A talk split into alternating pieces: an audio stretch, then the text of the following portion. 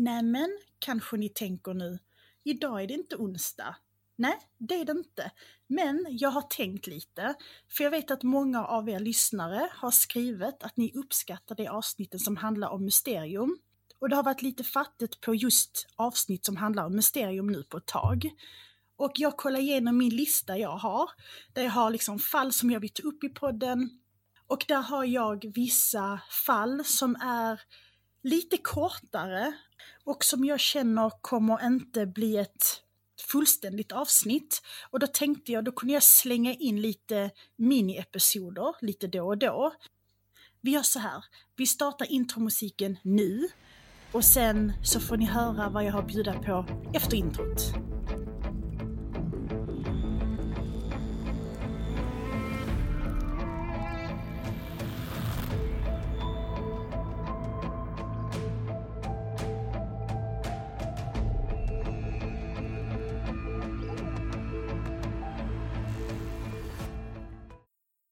Hej och välkomna till Mord och Mysteriepoddens första mini-episod. Och som ni hörde precis så har jag lite olika småfall som jag tänkte att jag kan göra till lite mindre avsnitt och lägger ut dem lite då och då. Jag kommer inte sätta en speciell dag att varje fredag så kommer mini-episod utan de kommer när jag har extra tid att researcha och spela in och redigera ett mini-episod. Så ehm, det får vara som små överraskningar som kommer ut lite då och då. Och i detta avsnittet så har jag ett olöst mord att bjuda på. Och för er som tycker det är jobbigt att höra om barn som far illa så är det här ett mord på ett barn.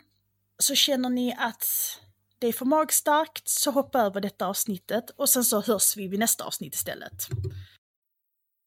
Och för er som fortsätter att lyssna så ska jag berätta om ett fall som är känt som Baby Nicole Lee Haddamer.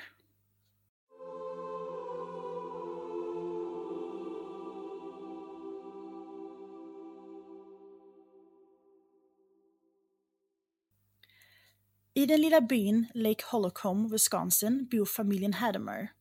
I familjen ingår Lou Ann och Lee Haddamer och deras tre barn. Parets äldsta dotter, Quintina, har en dotter på 11 månader som heter Nicole och hon bor där också med familjen. Det är den 26 december 1989 och familjen har precis firat sin första jul med Nicole. Eh, Quintina var 16 år och Nicoles pappa var familjens granne William Larson och han var 50 år.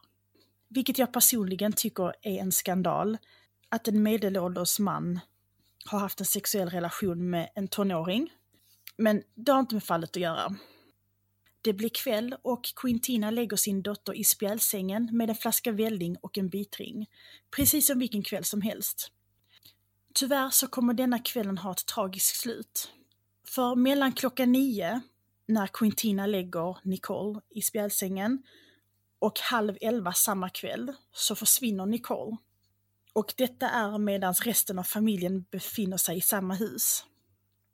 Bra att känna till är att Nicole sov i Quintinas sovrum och hon bodde där med sin dotter i familjens garage som de hade gjort om till en liten minilägenhet. Och de hade byggt till en så kallad breezeway och det är en tillbyggnad som kopplar ihop huset med, med det omgjorda garaget. Eh, för att du inte ska behöva gå ut från huset för att ta dig till Quintinas bostad eller tvärtom. Vid halv elva-tiden så ringer Luann Haddamer till polisen och anmäler att Nicole är borta. Polisen agerar och är snabbt på plats. Man påbörjar sökandet med en gång och tar hjälp av flera brandmän från den lokala brandstationen. Man börjar med att leta i huset och det är inte bara Nicole som saknas. Man lyckas först inte hitta varken hennes nappflaska eller bitring som Quintina sa att hon hade lagt, lagt ner i spjälsängen med Nicole. När man har sökt igenom hela huset så börjar man söka ute på bakgården och området runt huset. Medan räddningstjänsten är ute i snön, för det har börjat snöa nu, och letar efter Nicole så stannar resten av familjen inomhus. Och enligt en Wisconsin-tidning så har någon från Shipiva County Sheriff's Department som utredde fallet sagt att en i familjen tog en tupplur, och två av de minderåriga satt och spelade spel. Om det var Quintina och en av hennes småsyskon som satt och spelade spel, eller bara hennes småsyskon framkom inte. Är det så att det var Quintina som satt och spelade spel, jag tänker att det är brädspel, då är det lite konstigt när det är hennes dotter som saknas. Medan det inte hade varit lika konstigt om det hade varit hennes två småsyskon, för de kanske är sju och nio år. Det framkom inte hur gamla hennes småsyskon var, bara att alla tre var minderåriga.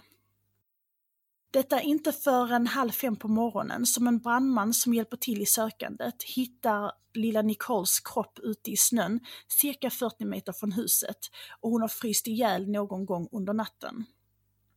Det var svårt att se henne först, både för att det var mörkt ute och det hade snöat så att hon låg under ett täcke av nyfallen snö.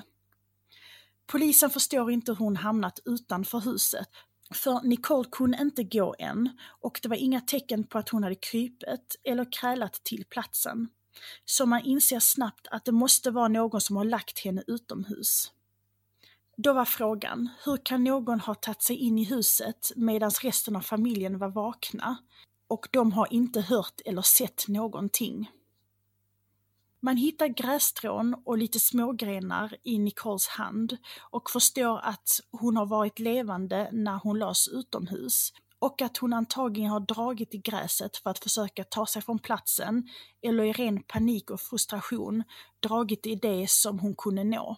Nappflaskan och bitringen hittas också utomhus men en bra bit från kroppen. Rättsläkaren Catherine Gerris kom ut och strax innan klockan sex på morgonen så dödförklarar hon Nicole.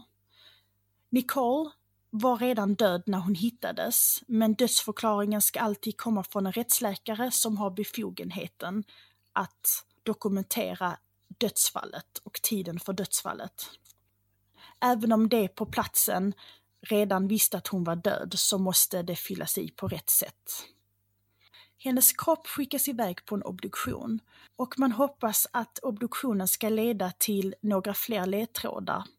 Det som framkommer av obduktionen är att Nicole har en krossskada eller trauma över bröstet som stämmer överens med att någon kan ha tappat henne eller kastat henne ner i marken. För när hon hittades så låg hon med ansiktet neråt.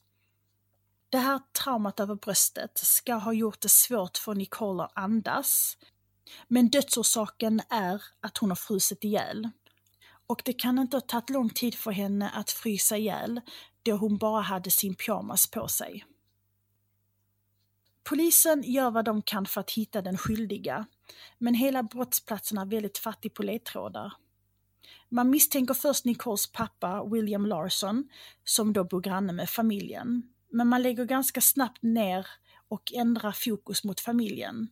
Det var trots allt fem personer i huset den kvällen, förutom Nicole då, och ingen av dem har hört eller sett någonting. Och hon befann sig inte långt ifrån huset, så det ser lite suspekt ut. Men man hittar inga bevis som pekar mot familjen, så polisen kan inte göra något. Och när man vill förhöra familjen så vägrar de att prata, så man kommer ingenstans. Så vad har man nu då? Ja, egentligen så har man ingenting att bygga fallet på. Man har bara en massa teorier som inte leder någonstans. Och man har för många frågor och för lite svar. Trots att DNA-tekniken har gått framåt så otroligt mycket de senaste 31 åren så är man inte närmare en lösning eller en teori som håller hela vägen. Jag hoppas att ni tyckte att det här fallet var spännande och att ni gillar den här idén att det kommer komma ut lite mindre episoder lite då och då. Det vanliga avsnittet kommer på onsdag och tills dess så hoppas jag att ni tar hand om er själva och varandra. Så hörs vi då! Hejdå!